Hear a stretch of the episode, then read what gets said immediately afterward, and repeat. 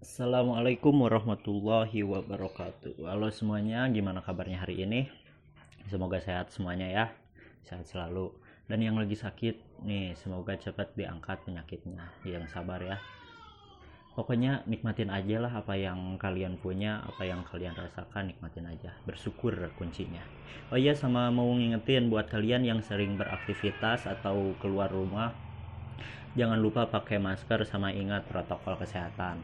Jaga jarak satu meter kalau bisa. Ya tapi harus bisa sih ya. Pasti kalian juga kan udah bosan di rumah terus terus susah ke mana-mana beraktivitas jadi terbatas. Makanya sekali lagi ngingetin buat kalian ikutin protokol kesehatan. Biar cepat hilang covid-19 nya biar nggak pada nular. Ingat protokol kesehatan cuci tangan. Jangan lupa ya. Nah, protokol kesehatan pokoknya ya udah jangan terlalu banyak basa-basi ya perkenalkan nama saya Muhammad Irsad Sodik dari kelompok 4 Henry Elgan Elgan program studi S1 Manajemen kelas 1E Ikopin jadi untuk kesempatan kali ini aku mau nge-review materi LDKM yang dilaksanakan pada tanggal 12 dan 13 Desember 2020. Sebelum masuk ke materinya, kita bahas dulu apa itu LDKM. Takutnya ada teman-teman kita yang belum tahu apa itu LDKM. Nah, jadi eh, LDKM itu singkatan dari latihan dasar kepemimpinan mahasiswa yang disingkat menjadi LDKM. Ya gitu aja lah dibalik-balik merupakan miniatur dari pembinaan intelektual, mental, dan spiritual. Karena binaan yang intensif dan kontinu tentang hal tersebut adalah melalui jalur perkuliahan yang dilalui bertahun-tahun seperti kegiatan sarjana. Nah, jadi kegiatan LDKM bisa dijadikan media untuk membentuk mental yang baik dan sehat bagi para mahasiswa. Lalu manajemen. Manajemen diambil dari kata eh, bahasa Prancis yaitu manajemen ya sama-sama aja sih ya ya emang dari itu yang berarti seni untuk mengatur sesuatu dalam bahasa Inggris kata manage berarti mengendalikan atau mengelola nah secara umumnya manajemen dikenal sebagai sebuah proses yang mengatur kegiatan atau perilaku sehingga menimbulkan dampak baik. Nah, manajemen juga merupakan jurusan yang tertua di Ikopin yang berhasil mencetak banyak lulusan-lulusannya menjadi orang-orang yang sukses. Mantap. Diharapkan nih bagi para mahasiswa baru atau maba-maba yang masih unyu-unyu gak jadi mahasiswa kupu-kupu. Nah, buat yang belum tahu, mahasiswa kupu-kupu itu mahasiswa kuliah pulang, kuliah pulang. Ya nggak ada kegiatan lain lah selain kuliah terus pulang, kuliah terus pulang. Nah, diharapkan juga nih buat para mahasiswa baru bisa mengikuti kegiatan kemahasiswaan untuk mengasah soft skill dan memperluas wawasan yang nantinya memudahkan berpikir eh e, berkiprah di tengah kehidupan bermasyarakat karena visi dari manajemen Ikopin itu yaitu unggul dalam menghasilkan lulusan-lulusan yang berpotensi dalam ilmu manajemen dan maupun berperan aktif dalam perkoperasian dan kewirausahaan untuk menghadapi persaingan era global pada tahun 2027. Nah, jadi dalam mewujudkan visi Ikopin, Ikopin memiliki empat cara empat eh atau empat misi yaitu yang pertama menyelenggarakan pendidikan manajemen berbasis berperkoperasian dan kewirausahaan yang mendorong terciptanya peningkatan kompetensi dan profesionalisme lulusan yang mampu menjawab tuntutan para pemangku kepentingan. Yang kedua, melakukan pengembangan dan penelitian kompeten kooperasi usaha mikro, kecil, dan menengah. Yang ketiga, meningkatkan komitmen para pengajar untuk berperan aktif dalam mengembangkan ilmu manajemen perkoperasian dan kewirausahaan. Yang terakhir atau yang keempat, menjalin kerjasama yang baik nasional maupun internasional. Gila, keren banget ya kan?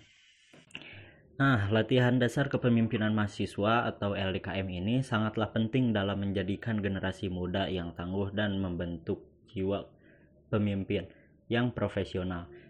E, manajemen kepemimpinan akan membentuk kader-kader pemimpin bangsa ke depannya. Segala ilmu yang diperoleh dalam kegiatan ini tidak akan didapatkan di bangku perkuliahan. Jadi tidak akan ada di mata kuliah yang lain hanya ada di LDKM jadi manfaatin sebaik mungkin L, kalau uh, LDKM ini ya segala pemikiran sikap integritas harus dimiliki pemimpin bangsa dalam mencapai cita-citanya dalam memimpin bangsa mahasiswa sebagai kader penting penerus penerus bangsa memiliki beban berat sebagai penerus bangsa di era globalisasi ini. Gila, keren mahasiswa, hidup mahasiswa. Pemimpin harus menjadi pribadi yang tangguh, mandiri, memiliki jati diri, dan mampu berpikir sesuai dengan profe profesionalitasnya, sehingga menjadi eh sehingga melalui LDKM ini penambahan penambahan wawasan dalam berpikir, bersikap, dan bertingkah laku. sorry, sorry. Saat ini menjadi pemimpin memang sangatlah sulit karena pemimpin dituntut mampu menyatukan perbedaan serta mampu menyatukan seluruh anggotanya dalam organisasi. Keberhasilan suatu organisasi ditentukan dari pemimpin yang mampu mengajak organisasinya mencapai tujuan yang jelas. Nah, harapan segala wawasan dan pengetahuan dalam LDKM ini mampu diterapkan mahasiswa dan ke depannya mahasiswa mampu menjadi pemimpin bangsa. Amin.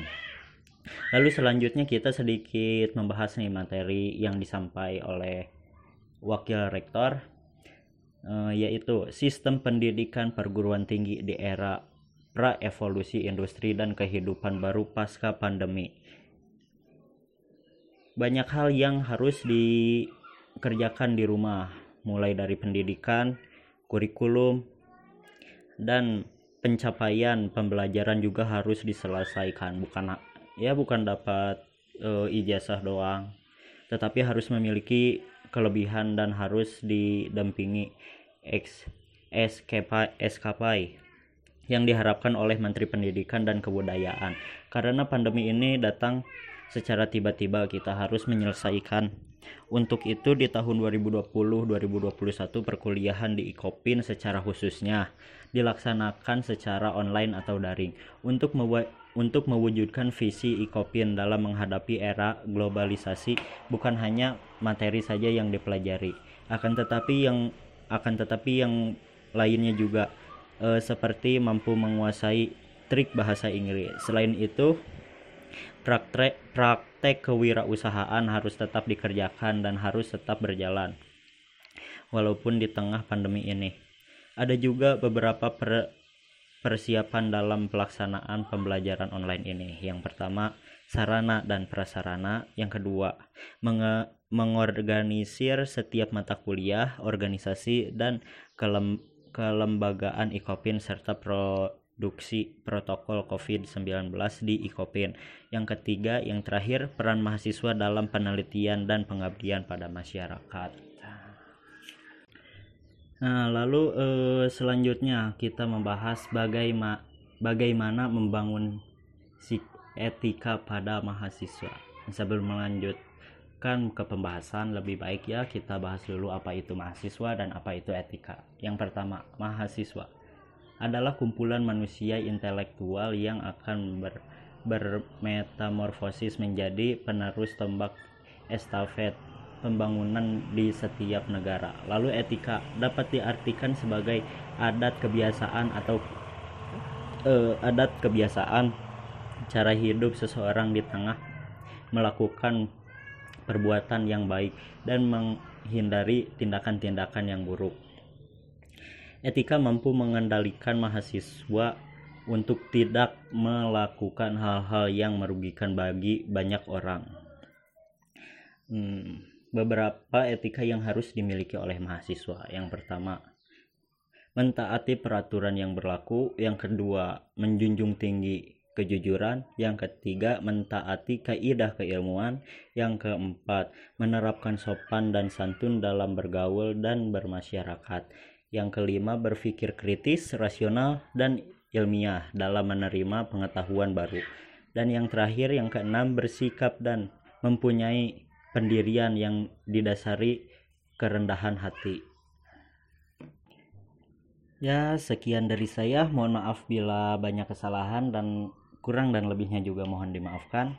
Terakhir, ngingetin buat pakai masker sama protokol kesehatannya dilaksanakan eh iya sekian dari saya wassalamualaikum warahmatullahi wabarakatuh